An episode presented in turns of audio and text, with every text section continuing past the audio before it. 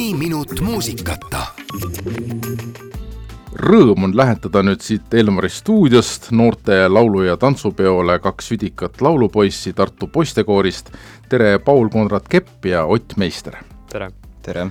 Kõigepealt tahangi spordikommentaatori kombel küsida, et mis tunne siis on nii piduliku ja võimsa sündmuse eel? ma ei tea, mulle endale väga meeldib, sest see on nagu noh, niisugune vägev tunne tekib, et e Eestil on niisugune au ja traditsioon niisugust asja korraldada ja nagu eestlase niisugune ühistunne tekib, et, et niisugune, et kõik on koos ja kõik on ühe eesmärgi, ühe eesmärgi nimel tulnud siia ja mida te kõige rohkem üldse laulu pealt ootate? mina ootan just seda nagu kokkusaamist ja laulmist ja jah, ma ootan ka, ma, see laulukaare all lihtsalt olemine, ühine tunne, et äh, kui me laulame neid laule koos ja eriti need mälestused, mis sellest jäävad, sest kaks eelmist laulupidu on mulle väga meelde jäänud ja see laulmine lihtsalt ühiselt laulukaare all äh, toob kõik selle rahva nii hästi kokku. aga räägimegi siis lauludest, milline on teie selle aasta laulupeo lemmiklaul?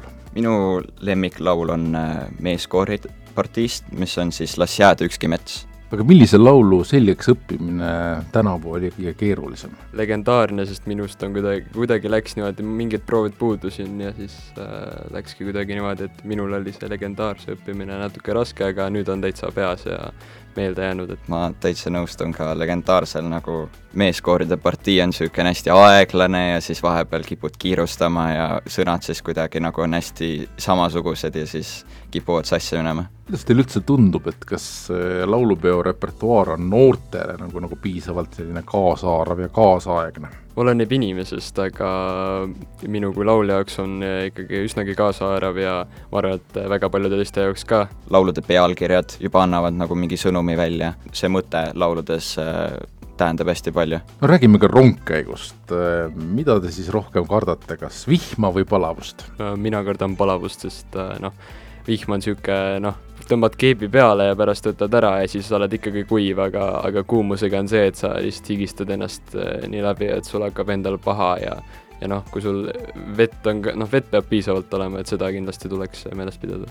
Ja ma loodan ka, et võib-olla, et paar äh, veepiiska ikkagi tuleb, et maha jahutada, sest äh, meie poistekoori vorm on ka täitsa süsimust, millele siis nagu päike hakkab ikka väga hästi peale ja ilmselt äh, tuleb palav, kui on hästi päikseline ilm. räägitakse ka ju laulu- ja tantsupeoga palju sellest kuulsast peoliste toidust, et mida te selle kohta kostate, et ma lihtsalt mäletan, et kui minu enda poeg eelmisel korral läks laulupeole, siis ta ootas väga-väga, et millal dirigent lubab McDonaldsisse minna no minu arust see Ljanka ikkagi nagu on niisugune eestlase põhisupp, ma ootan ka seda Seljanka söömist seal laulupeol. ja mina, mina jään ka täitsa rahule üldiselt nende mm, söökidega, mis koha peal pakutakse, et tegelikult see on ju paras organiseerimisülesanne, mm, ööbimiskoha, koolimaja ja siis laululava vahet käia ja arvestades, et linnas on väga palju inimesi ja ühistransport on nii-öelda ülekoormatud, et kuidas, kuidas sellega lood on? meil on saadetud ka kavad ilusti kõigile,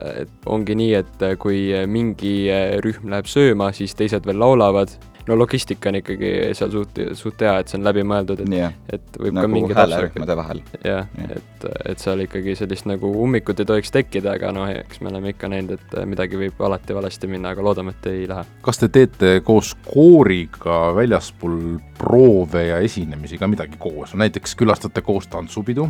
ma ei tea, ma tean, et väga paljud on tantsupeol ka, aga no me, me oleme ikkagi teinud asju äh, koori väliselt ja proovide väliselt ka, et ikkagi kas mingid jooksu jooksud või äh, mingid äh, promoüritused, et, et ei ole ainult laulmist, et meile pakutakse ikkagi nagu vaheldust ka, et, et minu arust on nagu niisugune balanss on olemas. suur aitäh ja unustamatut laulupeo elamust teile ja jääme siis huviga kuulama. jah, aitäh. aitäh. mõni minut muusikata